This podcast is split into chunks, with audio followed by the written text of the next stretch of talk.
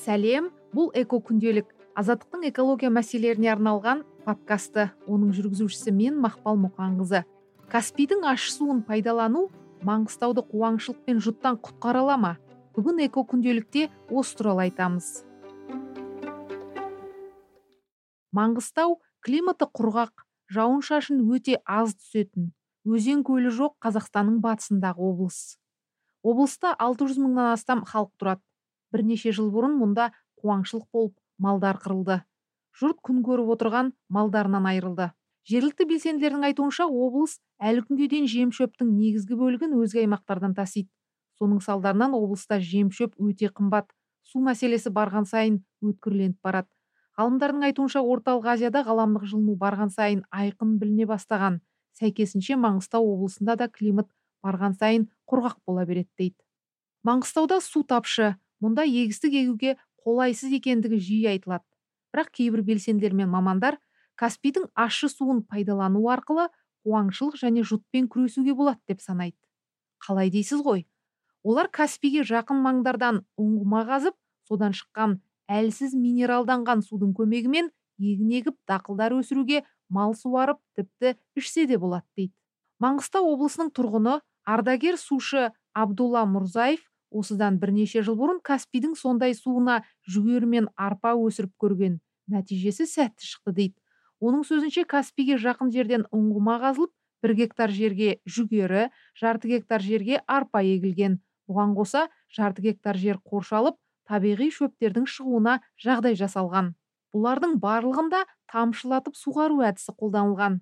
Маман эко күнделікке жіберген жазбаша жауабында осындай тәжірибенің нәтижесінде бір гектар жерден бес тонна жүгері алғанын жарты гектардан екі тонна арпа алғанын айтады. Мамандардың айтуынша жеміс пен көкөністің басым бөлігін сырттан таситын маңғыстау үшін жүгерінің өсуі сирек жағдай. Тәжірибеміз оң нәтижесін берді. Маңғыстау облысының сол кездегі жетекшілігін аудан басшыларын шақырып тәжірибеміз туралы айттық көрсеттік.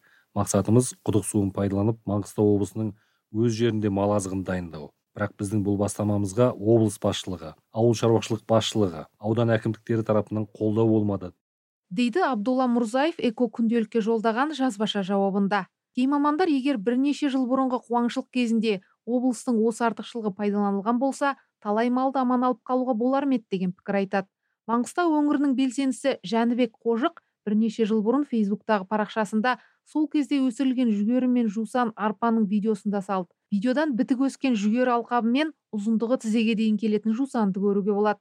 Белсенді сол кезде жергілікті билікке хат жазып осы тәжірибені тарату қажеттігін айтқан. Маңғыстауда басқа аймақтармен салыстырғанда табиғи шөптің өзі де жақсы шықпайды. Қыста қар жазда жауын жаумаған жылдары маңғыстауда шөп көктемей қалады. Қарапайым мал баққан халық қыстан кебек жемнің күшімен әрең шығады. Жемді қостанай ақтөбе сияқты астықты облыстардан вагонмен алады. Жемнің бағасынан тасымалдау құны қымбат. Маңғыстаудың малы тек қыстың жылы болғанының арқасында ғана аман қалып жүр. Бірақ бұл жағдай үнемі қайталана бермейді. Сондықтан да біз бәріне дайын болуымыз керек. Ол үшін мал азығын құнарлы жем шөпті өзіміз дайындауымыз қажет. Оған маңғыстау облысында толық мүмкіндік бар. Егер де бұл жұмысқа мемлекет тарапынан нақты көмек қолдау болса маңғыстау облысы жем шөппен өз өзін толық қамтамасыз ететін болады. Маңғыстауда малдың саны бірнеше есе өсіп еттің нарықтағы бағасы арзандайды ауыл халқына жұмыс болады. Маңғыстауда мұнайға деген тәуелділік азаяды.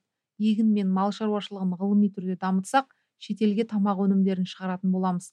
Елдің экономикасы көтеріледі деп жазды белсенді билікке хатында. Біз бұл тәжірибе жөнінде бұрынғы су шаруашылығы министрі нариман қыпшақбаевтан да сұрап көрген едік. Енді жаңағы мырзаевтың жасағаны бір жылда жасайды бір жылда осындай результат берді. Ол көп жылға жасаған жоқ. Он жыл 15 жыл суарса ол жермен не болады? Ана жер тұздалып кетпей ме деген қауіп болады. Қайта қайта суара бергеннен кейін. Ал ол тұздалмас үшін анау дрен тұздалып кететін нелер жасау керек? Жердің тұзын алып кететін былай ыңғайлы массивтер жасау керек. Осының бәрі ғылыми негізделу керек та. Айтпағым ше каспийдің жағасынан бір екі үш километр жер былай өтті дағы жаңағы мырзаев құдық қазды. Сонда каспийдің суы мысалы 15 грамм болса литріне. А екі үш километр каспийден былай қыраққа қарай шығып скважина қазса ана каспийдің суы ғой жер астының суы. Мынау үш километр жердегі жер дегенің как фильтр. Анау ащы су мынау үш километрде қараса мырзаевтың тұздылығы екі есе үш есе азайған. Бес граммға дейін азайған құдықтар болды. Мына жерде 15-20 грамм болса а мынанікі бес ақ грамм болды. Ол дегенің жаңағы оны малдары маңғыстаудың ішіп жүре береді. Әкелдік жаңағы ақтаудың жанында бір водопровод салды. Сонымен жаңағы мырзаев әкелді. Жақсылап көрсетті халық қырза болды. Үйінің кірін жууға малын суаруға тіпті үйінің қасындағы огородын суаруға деді. Соны әкімдер ауданның әкімдері тас талқан қылып бұзды ол водопровод қазір жұмыс істемейді. Мырзаев ол маман резервуарында водонапорный башнясында насосында электричествосында бәрін жасап әдемі әкеліп қойды. Ауылдың аты қалай еді? Тура ақтаудың жанында бір ауыл бес мыңдай халқы бар. Соларға мен барып көргем.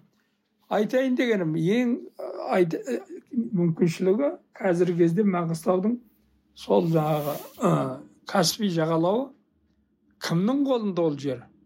Кімнің қолында ол жер? Жағында атырау облысы мына жағы түркменстан осы жағалау бәленбай мың километр. Сол жағалауды каспийдің жаңағындай суыменен пайдаланып жем шөп дайындау мал. Енді жем шөпті дайындығының әртүрлі бар.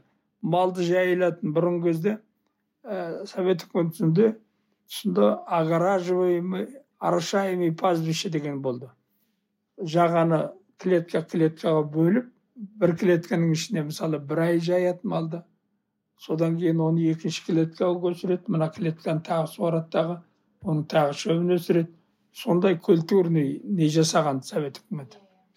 Вот сондай тәртіпке келтіріп соны ұйымдастыратын ана облыстың әкімі деген түсінбей отыр ғой мысалы. Айтпағым не? Мүмкіншілігінің жаңағы мамандардың мамандардың жасаған аз кішкене тәжірибесі жақсылықты көрсетіп отыр. Бірақ ол ұзақ мерзімге қалай деген сұрақ туады. Ұзақ мерзімге қалай болады деген мәселе. Әңгіме жерде қайтадан өзінің тұзы бар каспийдің суының тұзы бар. Совсем тұз қылып жердің бетін аппақ тұзға айналдырып жібермеу керек деген қауіпті айтып отырмын ғой. Осыны жан жақты нету керек. Егер оның тұзды әкету мысалы біз мынау достық каналының астында жүз отыз мың гектар жеріміз бар мысалы енді шымкенттің жерінің бәрі тұзды жер жаңағы маңғыстаудың жері сияқты оны су, су бар сырдарияның мақта басқа дақылдарды егеміз егістікті жинап алған кезде қарасақ жердің бетіне дейін тұз жер астынан көтеріледі. Жердің бетіндегі тұщы су анау жердің астындағы тұзды топыраққа барған кезде как су тиді тұз жердің бетіне көтеріле кетеді сонда астық жинап болған кезде жерді жуу керекпіз жылда жуамыз. Кәдімгі мына көйлекше мына жерді дайындаймыз тектігізіп суменен жабамыз мың скважиндай скважин тұр әр екі жүз гектарға бір скважин. Скважиннан мына суды шприцпен тартқан сияқты сорғанда насос. Мынау жердің бетіндегі тұзы мен барлығын мынау сорып алады. Сонымен алпыс сантиметрге дейін жерді тұзын жуып келесі егістікке дайындаймыз. Ондай істеп жатқан қазір ешкім жоқ қазақстанда. Өйткені жер жаңағындай. Бір скважинға екі жүз гектар деп отырмын ғой. екі жүзді мысалы төрт бес крестьянскіге бөліп берді. қырық гектардан елу гектардан. В общем санасыз жұмыс жүргізілді. Осының бәрін тәртіпке келтіру мысал ретінде.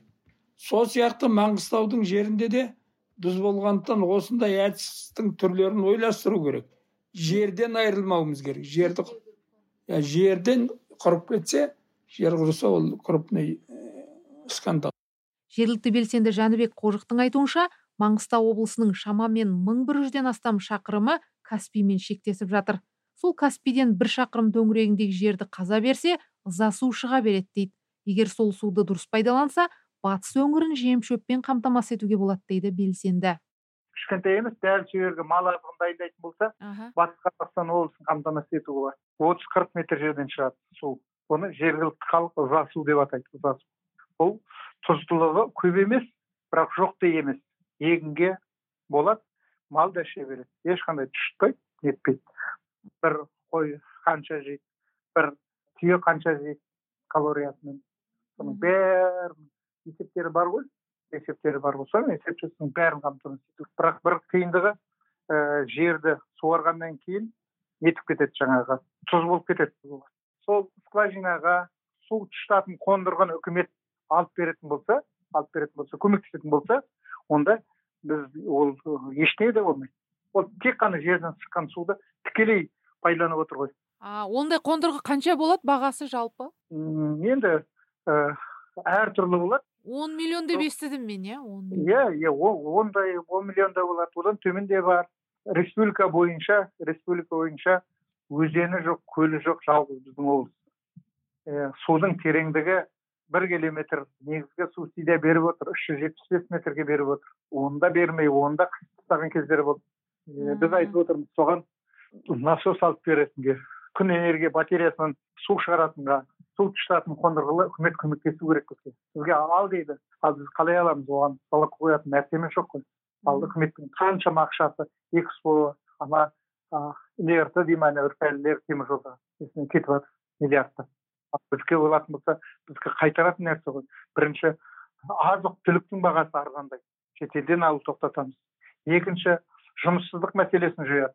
Үшінші жаппай қалаға көшуді тоқтатады қалаға барғанда да қағанағы қарық сағанағы сарық болып отырған ел жоқ қой. Ардагер сушы абдулла мұрзаевтың айтуынша маңғыстау өңірі жауын шашынға тәуелді аймақ. Жаңбыр болса шөп шығады болмаса ол да жоқ. Ал қазір барған сайын қуаңшылық асқынып барады. Бұл тәуелділіктен технология мен тәжірибені пайдалана отырып құтылу керек деп санайды. Ежелден келе жатқан қазіргі кезде де қандастарымыздың күнкөріс көзі мал шаруашылығы. Мақтаулы мұнай қоры елу алпыс жыл төңірегінде таусылады. Сонда қандастарымыз келешекте қалай күн көру керек? Біз мал шаруашылығын дамытуымыз қажет. Маңғыстаудың жер көлемі 16 мың гектарға жетеді. Қандастарымыз бұрын құдықтар қазып тақырларда қардың жаңбырдың суларын жинап сол суларды мал суғаруға ауыз суға пайдаланып келген. Соны қолға алу керек. Бұрын күнкөріс осылай болған. Біз барлық мүмкіншілігі болғанша мынау маңғыстаудың желін бітірек. Күнін ащы суын ащы жерін пайдалану керек. Жасау қарап отырып енді малдар аштан қырылып жатыр қазірдің өзінде ол жер дегенің енді қалай десем өте қиын жер. Сондықтан соған мобилизовать етіп әкім бар мына жақта үкімет бар қазақстанның. Ей ана маңғыстау болсын ғылыми дәрежеде деп анау академия наук бар оның институттары бар жаңағы. Соларға тапсырма беріп жоба жасатып ақша беріп исследование жүргізу керек негізгі мемлекеттің міндеті сол өмір сүруіне сол елге көмектесу керек. Ну кейінгі жылдары ана мұнай көп табылды. Сол мұнайдың ақшасыменен күн көріп отыр олар. Бірақ мұнай таусылады. Халық қалады. Сондықтан ойлау керек осы мәселені. Осы мәселені талай көтеріп келе жатырмыз. Менің таңқалатыным мемлекеттік деңгейінде. Осыны ойламайтынына таң бар. Мұнай таусылады. Ана жердегі неше мың? Жеті жүз ба сегіз мың ба қазақ қалады. Олар немен айналысады? Қалай күн көреді деген бір сұрақты қою керек қой.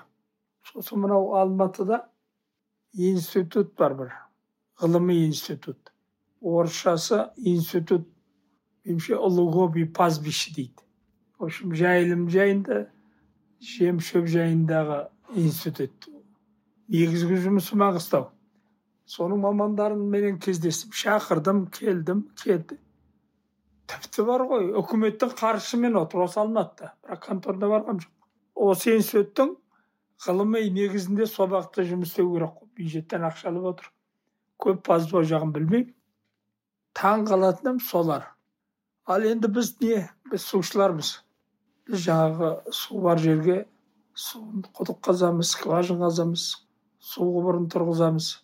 Сондаймен айналысамыз. Былтыр қарашада маңғыстау өңіріне сапарында президент тоқаев облысты жем шөппен қамтамасыз ету туралы айтып маңғыстау облысында жем шөптің жетпіс бес пайызы өзге аймақтардан әкелінетінін айтқан. Тоқаев бірінші кезекте жем шөп бағасын арзандату мәселесіне назар аударған. Ол аймақтың артықшылықтары мен мүмкіндіктерін пайдалану керек деген. Ал белсенділер аймақ өзін жем шөппен қамтамасыз ете алады қуаңшылықпен күресе алады су тапшылығы мәселесін шеше алады аймақтың болашағы осы мүмкіндіктерде жатыр деп санайды. Израиль дейтін мемлекет қазір соғысып жатыр ғой. Біздің ауданның территориясына жетпейді кіп кішкентай жер. Бірақ ауыл ол жақта су жоқ түк жоқ жер де жаман. Тамшылатып суару арқылы ауыл шаруашылығынан алты миллиард доллар пайда көреді. Ал біз әлемде тоғызыншы ауыл шаруашылық мемлекет деп аталады біздікі өндірістік мемлекет біздікі жеті жүз миллион доллар пайда көреді ауыл шаруашылығы бүткіл ал егер де оны біз ғылымды мүмкіндікті пайдалансақ біз де әрине сондайға жете аламыз. Мысалы біз бокстардың бәрін өзбекстаннан ираннан әзірбайжаннан алып отыр. Ал біздің аталарымыз соны бәрін өзіне өзі екті не ексе соны шығады жер құнарлы не ексе соны шығарып. Енді мына бидай шығады деп айта алмаймын мына бәленбай гектар. Бірақ егер тамшылатып суарып қоятын болса бидай да шығады аталарымыз еккен ештеңе сатып алмаған. Мен тұратын жерде. Жүгері еккен қар еккен бидай еккен картоп жуа сәбіз өз алдына.